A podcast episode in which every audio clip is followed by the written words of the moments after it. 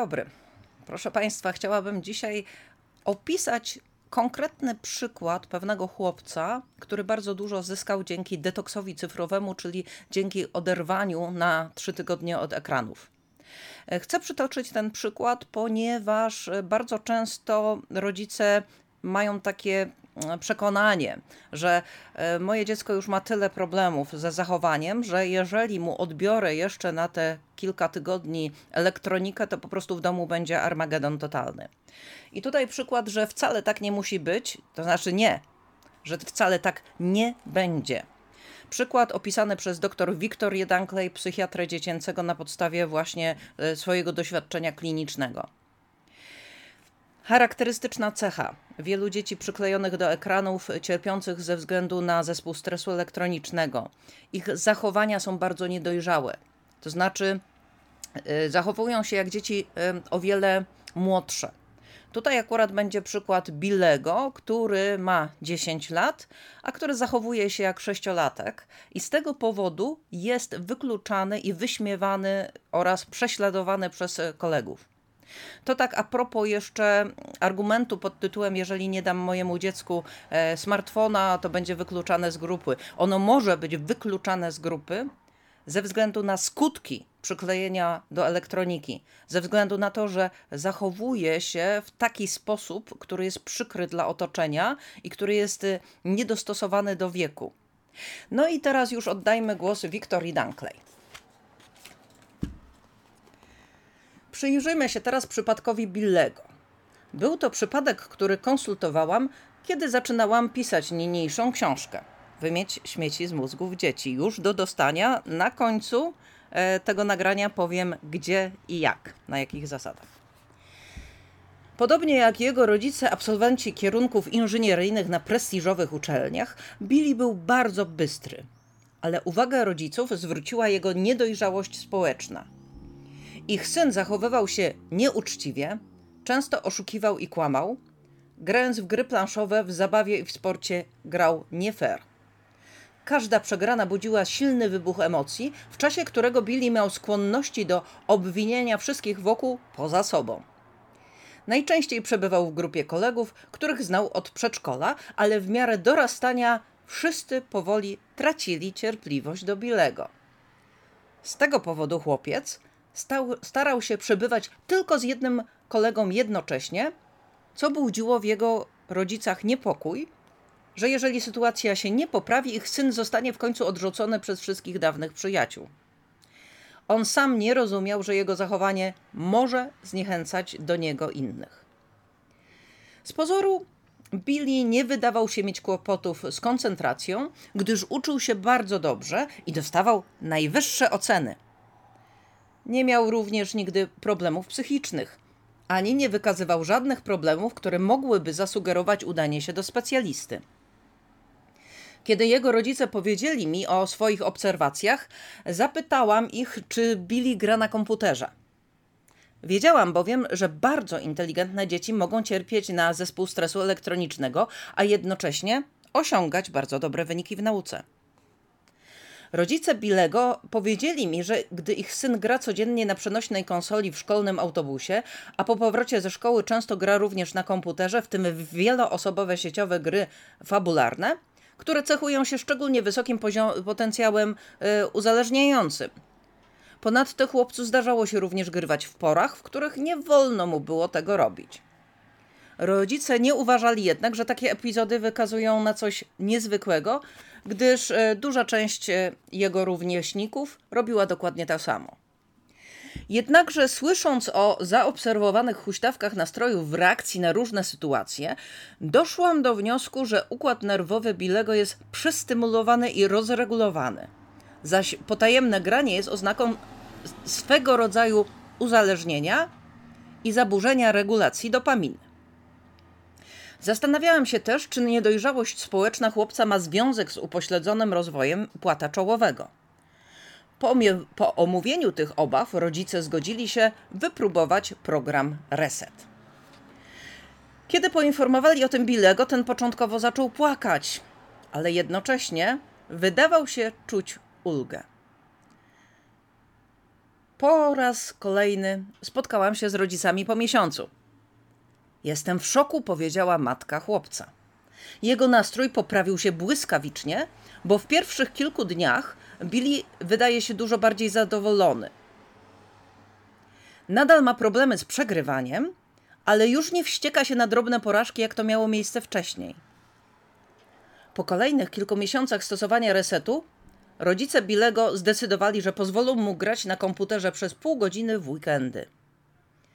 Po pierwszej takiej sesji Billy wdał się w awanturę z matką, po czym zaczął płakać, krzycząc, że jej nienawidzi. Po dwóch dniach jego nastrój jednak wrócił do normy. Po kolejnym miesiącu bez urządzeń elektronicznych Billy znów uzyskał pozwolenie na granie przez pół godziny, ale tym razem nie tylko pokłócił się z matką, lecz zaczął także krzyczeć na ojca, po czym pobiegł do domu kolegi, z którym wdał się w bójkę. Było to zachowanie, którego Billy nigdy wcześniej nie wykazywał. Z powodu tych dwóch incydentów rodzice Bilego zdecydowali się utrzymać syna z dala od gier przez jakiś czas, gdyż najwyraźniej był niezwykle wrażliwy na bodźce płynące z urządzeń elektronicznych.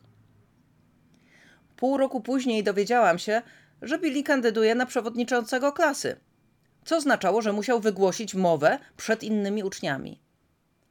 Jeszcze rok temu sama myśl o wystąpieniu publicznym zamroziłaby mu krew w żyłach, gdyż nigdy wcześniej chłopiec nie wykazywał żadnych cech przywódczych. Taka zmiana była czymś zgoła nieoczekiwanym. Co więcej, zaczął też spontanicznie organizować z kolegami regularną grę w podchody. Dawni koledzy przestali go unikać, gdyż Billy przestał oszukiwać i lepiej znosił porażki. Jego rodzice domieśli mi, że początkowo był, byli zszokowani tym, jak bardzo ich syn dojrzał w tak krótkim czasie. Nowe cechy Bilego, takie jak zorganizowanie, planowanie, komunikacja lub inicjatywa, stanowią objawy prawidłowego rozwoju płata czołowego, a więc obszaru, który wcześniej był słabą stroną chłopca. Czy główną przyczyną był post elektroniczny? Przypomnijmy, trwający w jego wypadku nie trzy tygodnie, bo to się okazało za mało, tylko rok. Nie możemy tego powiedzieć z całą pewnością, ale rozwój sytuacji mocno to sugeruje. Oczywiście gwałtowne skoki rozwojowe u dzieci nie są niczym dziwnym, ale w ciągu pół roku Bilemu udało się przejść od zdecydowanej niedojrzałości społecznej i emocjonalnej do stanu, który mógł być traktowany jako dojrzały przez wszystkie dzieci w jego wieku. Tak duży skok jest czymś rzadko spotykanym w naturalnym rozwoju. Wyglądało to tak, jakby płat czołowy chłopca nagle przestał być ograniczany i mógł zacząć wykorzystywać pełnię swoich możliwości. Dzięki temu naturalna inteligencja i wcześniej tłumione cechy, takie jak zdolności przywódcze, mogły ujawnić się w całej okazałości. Wiktoria Dunkley jeszcze dodaje takie pytanie. Czasami rodzice zadają mi pytania w stylu: Mój syn co prawda dużo gra, ale czy to problem, skoro wciąż bardzo dobrze się uczy? Ja także słyszałam to pytanie wielokrotnie. Najczęściej w takim kontekście, że zadawała je zaniepokojona grą babcia na przykład, która mówiła: Rodzice uważają, że nie ma żadnego problemu, ponieważ mój wnuk po prostu ma doskonałe oceny, dobrze się uczy, więc uważają, że takie wielogodzinne granie dziennie w ogóle im nie szkodzi. I co na to odpowiada Victoria Dunkley? Czy możemy mówić o problemie, jeśli dziecko dobrze sobie radzi w wielu dziedzinach, chociaż być może nie wykorzystuje w pełni swojego potencjału. Taką kwestię podnosi przytoczona y, na początku książki wypowiedź Michaela Shayera dotycząca poziomu IQ, z której wynika, że z jakiegoś powodu dzieci nie rozwijają się obecnie tak jak dzieci w poprzednich pokoleniach. Innymi słowy, Dane dziecko na tle innych dzieci może wypadać bardzo dobrze intelektualnie, ale porównane już z pokoleniem swoich rodziców wypada o wiele gorzej. Czy w szerszej perspektywie nie chcemy, aby wszystkie dzieci w pełni realizowały swój potencjał niezależnie od ewentualnych problemów natury rozwojowej? W końcu Z opisywanego tu problemu skorzystać mogą nie tylko dzieci borykające się z ciężkimi dysfunkcjami, gdyż pozwala on wyeliminować również ograniczenia potencjału rozwojowego wynikłe z siedzenia przed ekranem. Często jednak zdarza się, że rodzice zadają mi wspomniane py wyżej pytania, gdyż podejrzewają, że ich dziecko może nie radzić sobie w pewnych dziedzinach, na przykład w kontaktach z rówieśnikami. Jakby nie patrzeć, to właśnie rodzice dzieci mających problemy są na ogół najbardziej zmotywowani do wprowadzenia trwałych zmian. Moment, w którym rodzic nie za bardzo widzi problem, właśnie dlatego, że dziecko się doskonale rozwija intelektualnie, jest trudny i jest wyzwaniem. I tutaj musimy po prostu zdać sobie naprawdę sprawę, że prawdopodobnie to, że świetnie się rozwija intelektualnie, co czasami młodzież w ogóle mówi, to jest dlatego, że ja gram w gry i dlatego tak się świetnie roz, rozwijam. To w ogóle jest osobna sprawa i to jest mit, który należy zdementować osobno. Natomiast to, że świetnie się rozwija intelektualnie, świetnie funkcjonuje intelektualnie, ale spędza mnóstwo czasu na grach czy w ogóle na kontakcie z elektroniką, powoduje, że jednocześnie inne sfery jego życia się nie, roz, nie rozwijają tak, jak powinny właśnie na przykład sfera e, relacyjna, sfera kontroli emocji, sfera relacyjna, sfera kontaktu z innymi osobami. No i co z tego, że będziemy mieć e, dziecko, które będzie świetnie intelektualnie radziło sobie z różnymi problemami, jak jednocześnie nie będzie potrafiło na przykład utrzymać pracy, dlatego że nie ma takiej zdolności samoregulacji i zarządzania swoimi emocjami, które pozwoli mu poradzić sobie z frustracjami, które spotka w pracy.